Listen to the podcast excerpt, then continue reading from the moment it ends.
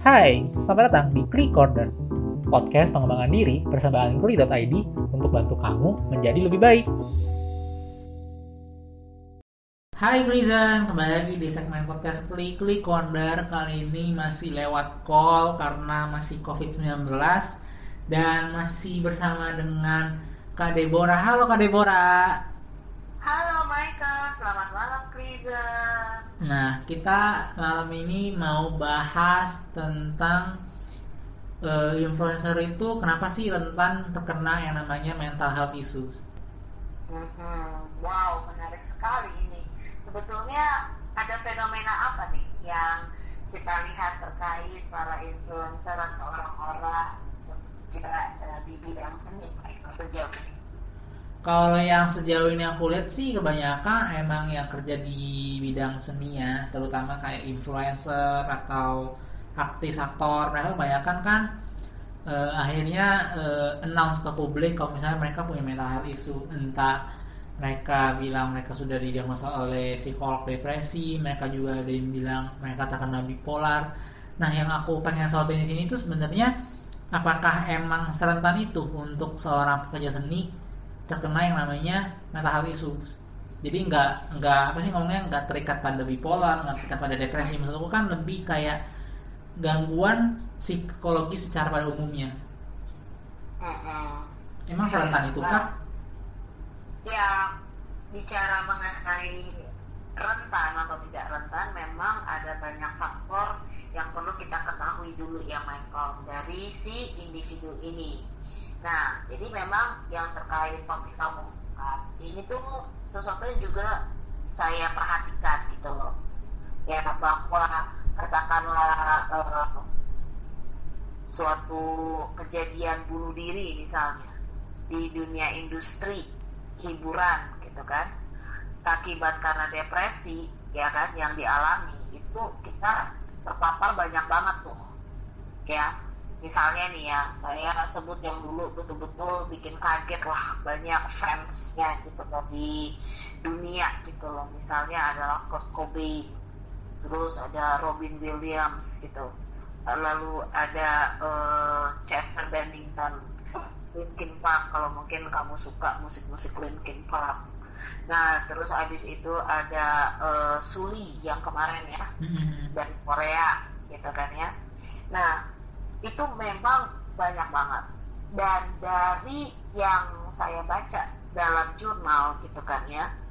Nah di tahun 2015 mereka ada penelitian yang keren banget yang berusaha juga mencari tahu gitu loh masalah kesehatan mental alami para pekerja di industri hiburan tapi jurnal dari Australia gitu. Mm -hmm. nah dari jurnal itu disebutkan bahwa gitu kan isu kesehatan mental gitu kan ya dan juga dalam hal ini depresi serta bunuh itu mengalami peningkatan loh. Nah, ini menjadi sesuatu yang harus dikhawatirkan sih sebetulnya. Kalau kamu tanya tadi, kok bisa ya, kok mereka menjadi rentan ya? Nah, kenapa gitu? Sebenarnya gini bisa saja mereka adalah gitu ya eh, pribadi-pribadi uh, yang bisa saja kuat kuat ya. Tetapi gitu ya sekuat-kuatnya ketika memang berada pada lingkungan yang kurang positif dan tidak suportif tentu tentu ini bisa membuat mereka juga menjadi lemah gitu loh. Ya. Nah apa aja nih masalahnya yang bisa dialami oleh influencer ataupun oleh artis gitu loh dalam melakoni profesi mereka sehingga mereka rentan mengalami isu kesehatan mental gitu kan ya. Itu adalah terkait dengan misalnya kasus-kasus mereka mengalami perundungan bullying gitu ya. Pelecehan seksual gitu kan seksisme dan rasisme di lingkungan kerja mereka gitu. Nah, oleh pihak-pihak yang tidak bertanggung jawab melakukan itu ke mereka. Nah, kadang-kadang juga kita membuat mereka rentan adalah ketika merasa mereka itu tidak mendapatkan dukungan, diremehkan dan selalu dikritik untuk apa untuk selalu tampil sempurna gitu loh ya nah saya juga baca gitu loh di jurnal yang menyebutkan bahwa banyak gitu loh para eh, orang-orang uh, yang bekerja gitu ya di ranah industri gitu kan ya seni. Itu merasa mereka itu seperti kayak uh, dikungkung gitu loh ya. Atau berusaha untuk uh, merasa untuk merasa dikuasai gitu ya oleh penggemar mereka sendiri. Jadi tidak bisa menjadi diri mereka sendiri maksud saya gitu loh. Nah dari jurnal itu disebutkan itu perasaan tidak bisa menjadi diri sendiri, merasa dikuasai oleh penggemar, merasa dikungkung oleh manajemen misalnya. Nah itu banyak membuat mereka pun bisa rentan mengalami isu kesehatan mental. Ya. Nah, saya juga melihat gitu ya bahwa sebetulnya gitu ya mereka yang bekerja di industri seni atau hiburan ini ya kebanyakan dari mereka bisa saja mengalami rentan isu kesehatan mental karena tidak punya ruang untuk menjadi diri mereka sendiri mengekspresikan emosi mereka bahkan mengatakan saya mau stop dulu saya lelah gitu kan. Uh, saya mau misalnya tidak tidak syuting dulu atau saya tidak mau bikin konten dulu itu susah. Gitu loh. Apalagi ketika misalnya kontrak-kontrak tertentu menuntut mereka untuk menyelesaikan sekian banyak misalnya. apalagi ketika misalnya manajemen juga tidak merasa aware gitu loh bahwa si influencer ataupun si artisnya itu sebetulnya butuh ruang butuh waktu sejenak untuk take a break katakanlah.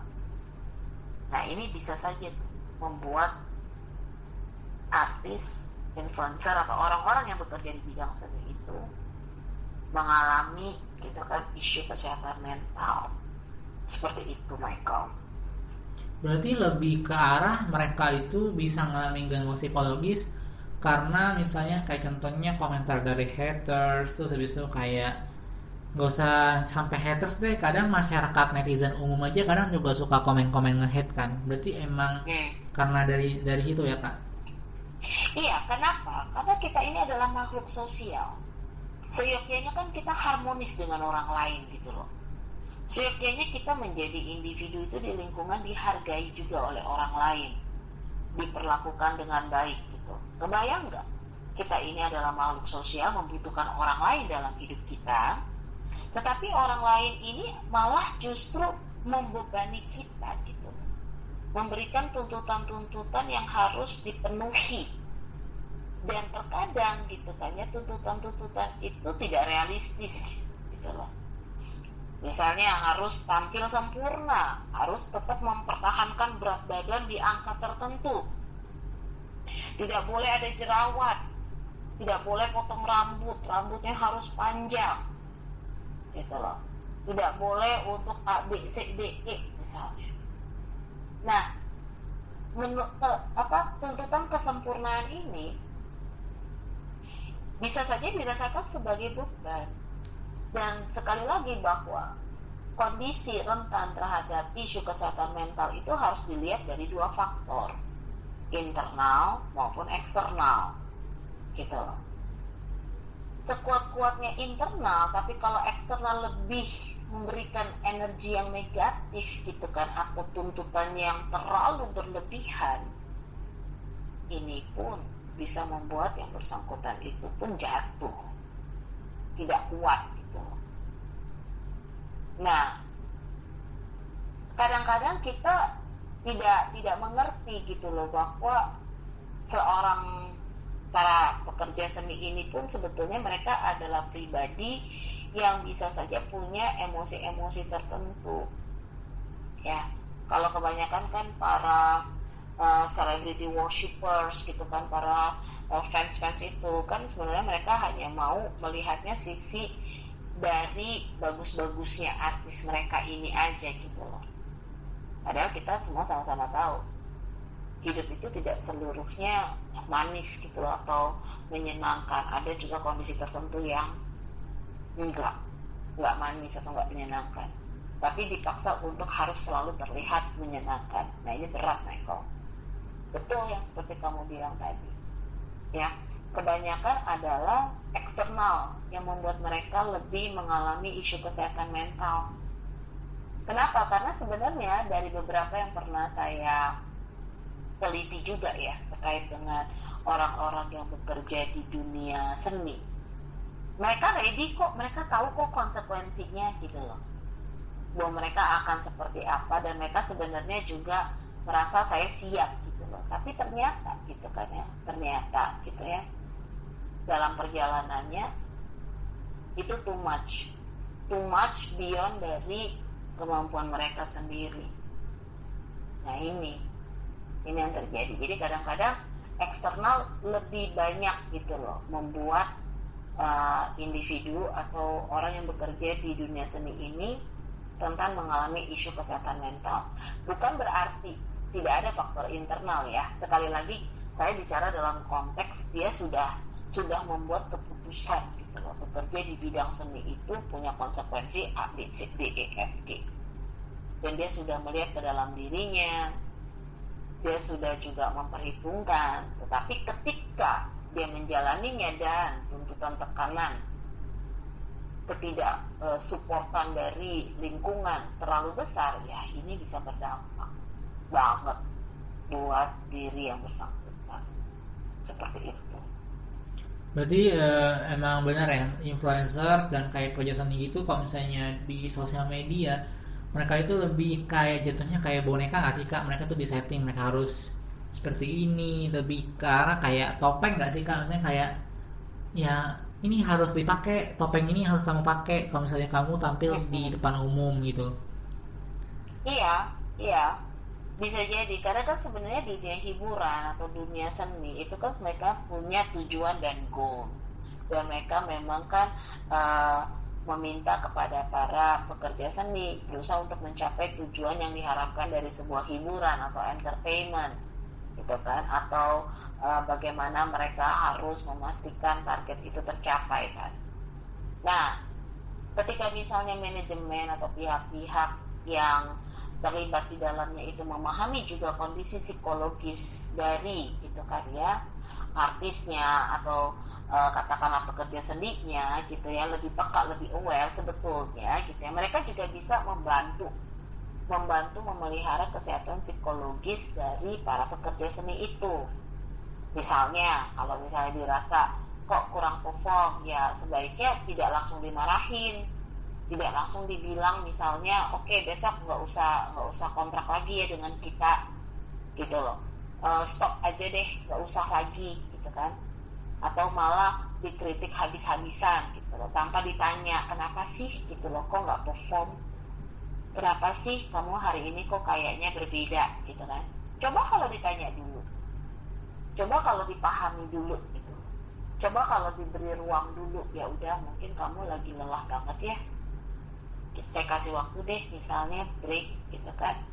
Atau ya udah apa yang bisa kami bantu? Misalnya menawarkan bantuan misalnya saya pikir gitu ya kondisi-kondisi kesehatan psikologis dari para pekerja seni ini dapat terjaga dengan baik. Seperti itu. Ditambah misalnya dari keluarga juga aware dengan individu ini. Memberikan support gitu kan. Oh ya kamu lagi banyak streaming misalnya gitu. Lagi uh, banyak banget nih yang harus di, dipenuhi targetnya gitu kan. Ya udah jangan terlalu uh, dibuat pusing ya santai aja ya. Nah, itu dukungan-dukungan dari keluarga, teman, kerabat, support sistemnya sebetulnya kembali lagi bisa menjadi protective factor bagi para pekerja seni ini sendiri. Ya, tetapi ketika misalnya keluarga dekat gitu kan ya, ataupun lingkungan pertama dari pekerja ini malah menuntut juga gitu. Ya kamu ya haruslah gini kan kalau misalnya ini nanti kita susah nih secara finansial bla bla bla bla malah memberikan lagi tuntutan gitu. Udah dituntut dari manajemen ada tuntutan dari keluarga misalnya terkait ekonomi segala macam. Tetapi tidak menyadari bahwa mungkin yang bersangkutan ini lagi butuh ruang sejenak dulu nah ini kan jadi masalah Michael kembali lagi konteksnya adalah di luar dari individu ini gitu.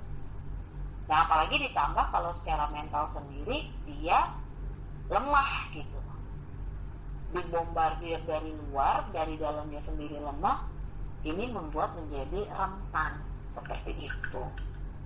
Ya jadi saya juga lihat banyak artis-artis yang bagus gitu ya. Influencer yang tetap uh, bagus kondisi kesehatan mentalnya dengan begitu padatnya aktivitas mereka.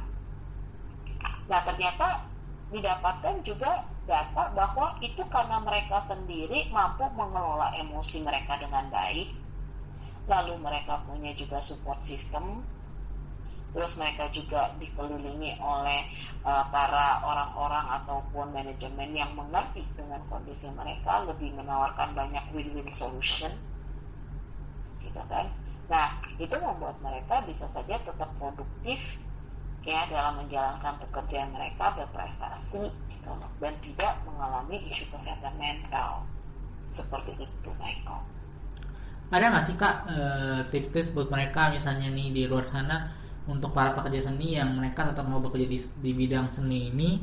Dan tapi kan kalau tadi kan kakak udah jelasin nih kalau misalnya mungkin antisipasinya dari manajemennya sendiri mungkin bisa lebih melonggarkan. Kalau misalnya eh, si pekerja seninya ini lagi punya masalah mental sendiri mungkin boleh dikasih ruang waktu dikasih jeda sebentar dipahamin dulu. Itu kan dari sisi manajemennya. Ada nggak sih kak? Iya. dari sisi untuk si individunya sendiri misalnya mereka tetap mau bekerja di bidang seni. Karena kan ada orang yang emang passionnya emang di bidang seni nih. Yes betul. Ya jadi kalau misalnya buat teman-teman yang tertarik masuk ke dalam bidang seni atau industri seni ataupun saat ini sudah terjun di dalamnya gitu ya pertama adalah aware about yourself gitu. Terus nomor satu ya. Cobalah untuk tetap peka dengan keadaan diri sendiri ya Maksudnya gimana? Contoh gitu ya, peka terhadap kondisi fisik. Gitu kan? Apakah saya sedang mengalami kelelahan atau lagi nggak enak badan? Gitu ya. Nah, itu mungkin bisa disampaikan. Atau untuk preventif misalnya karena uh, memang padat banget ya cobalah untuk melakukan gaya hidup sehat. Itu bagian dari aware terhadap kondisi diri sendiri dari fisik gitu kan kemudian dari sosial emosi gitu kan ya. Cobalah untuk tadi selalu mencoba meregulasi emosi-emosi yang negatif dengan cara-cara yang positif. Maksudnya gimana tuh? Maksudnya adalah ketika merasakan emosi negatif gitu ya cobalah misalnya bercerita kepada orang lain yang dipercaya gitu. Tentang apa mungkin kamu khawatirkan atau kamu takutkan atau apa yang kamu rasakan ketika misalnya membaca komen, komentar dan seterusnya. Itu bagus gitu, jangan dipendam sendiri. Gitu. Keluarkan ya kepada orang-orang yang kamu percayai. Ya, itu bisa memberikan penguatan sebetulnya. Jadi dengan kata lain tidak mentah-mentah juga menerima masukan atau input dari penggemar katakanlah, tapi cobalah diskusikan gitu loh dengan orang terdekat. Eh emang bener ya komentar begini nih terhadap aku? Ya. Ini penting banget gitu. Yang berikutnya cobalah memang kembali lagi adalah memiliki komunikasi yang baik dengan pihak-pihak yang terlibat dalam kegiatan kamu gitu ya kalau memang kamu butuh break for a while, kalau kamu butuh misalnya waktu sejenak gitu ya, sampaikan saja. Atau misalnya ini bisa diantisipasi sebelumnya itu dalam kontrak-kontrak yang mungkin kamu akan tanda tangani gitu loh. Mungkin ada poin-poin yang bisa uh, mencantumkan jika ada kondisi-kondisi tertentu gitu ya bijaksananya baiknya bagaimana klausul-klausul tertentu.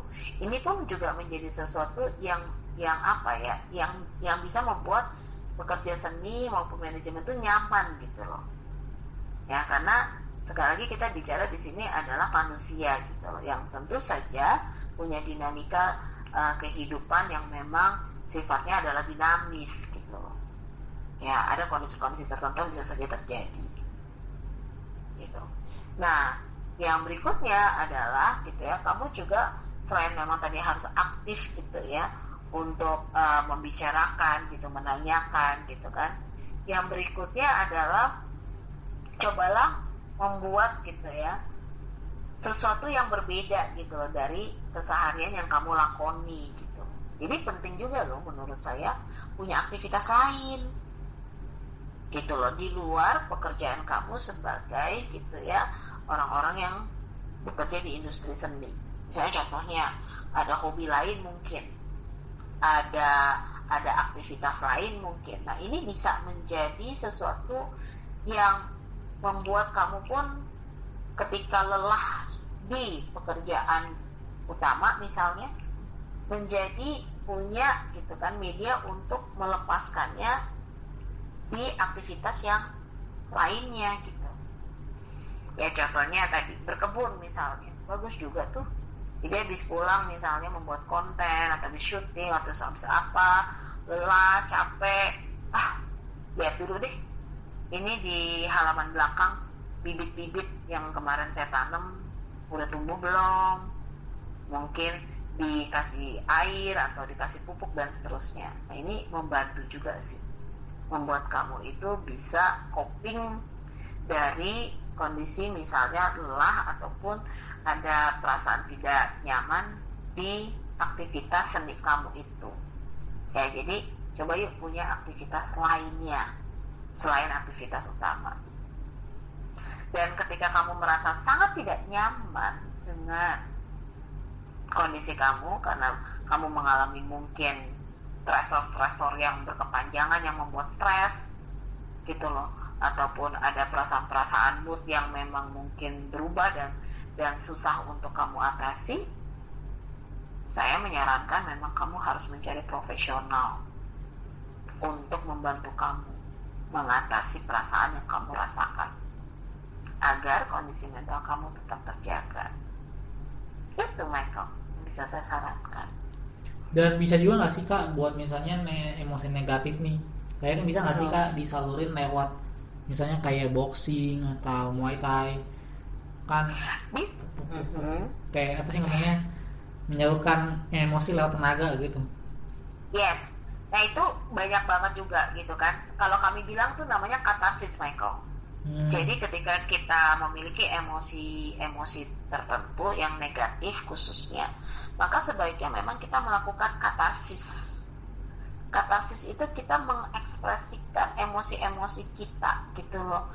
Nah, memang ada beberapa yang sangat nyaman banget gitu kan ya menggunakan media misalnya muatai gitu kan ya ataupun mereka uh, pergi ke gym ya kan? Latihan olah tubuh gitu loh.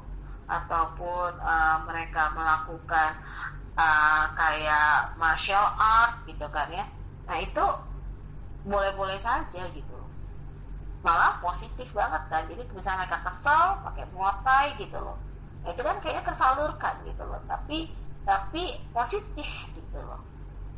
Ya. Nah itu silahkan saja sih dilakukan. Bagus juga itu kan kalau dari sisi si apa sih ngomongnya? Kayak sisi si pekerja seninya sendiri ya. Yang penting mm -mm. mereka itu juga harus ada berani komunikasi nggak sih kak? Kalau misalnya e, kondisinya emang lagi nggak nggak feeling better lagi not well gitu dia harus berani ngomong ke orang terdekatnya. Misalnya kayak e, lagi saya lagi nggak baik nih kondisinya tolong pahamin dulu ya. Kayak yang penting harus ada komunikasinya kan yes yes itu memang harus harus asertif ya saya bilang kedua belah pihak dari si orangnya yang bekerja di bidang seni ini dengan pihak-pihak manajemennya jadi kalau menurut saya dari sisi manajemen, kalau tadi kan kamu tanya dari sisi artisnya ya. Hmm. Nah, apa yang harus mereka lakukan? Gitu ya.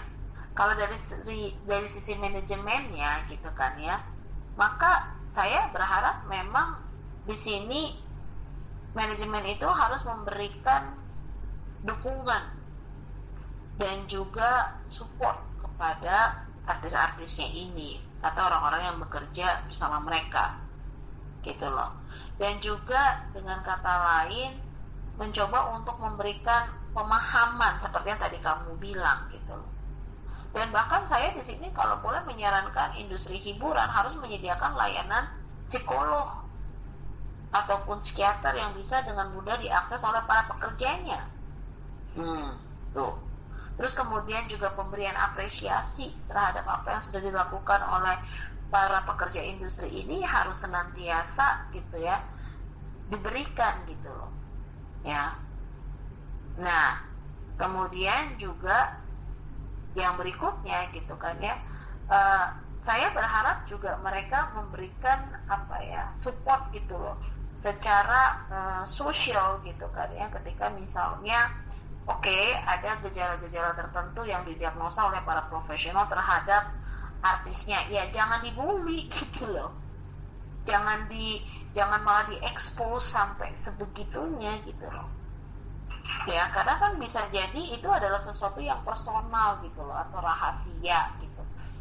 Nah yang mungkin adalah bolehlah manajemen tahu. Tetapi kan sebenarnya seyogyanya dijaga juga gitu loh privasi dari uh, orang yang bekerja dengannya ini gitu ya agar bisa menjalani terapi dengan baik agar bisa menjalani prosesnya dengan baik dengan profesionalnya.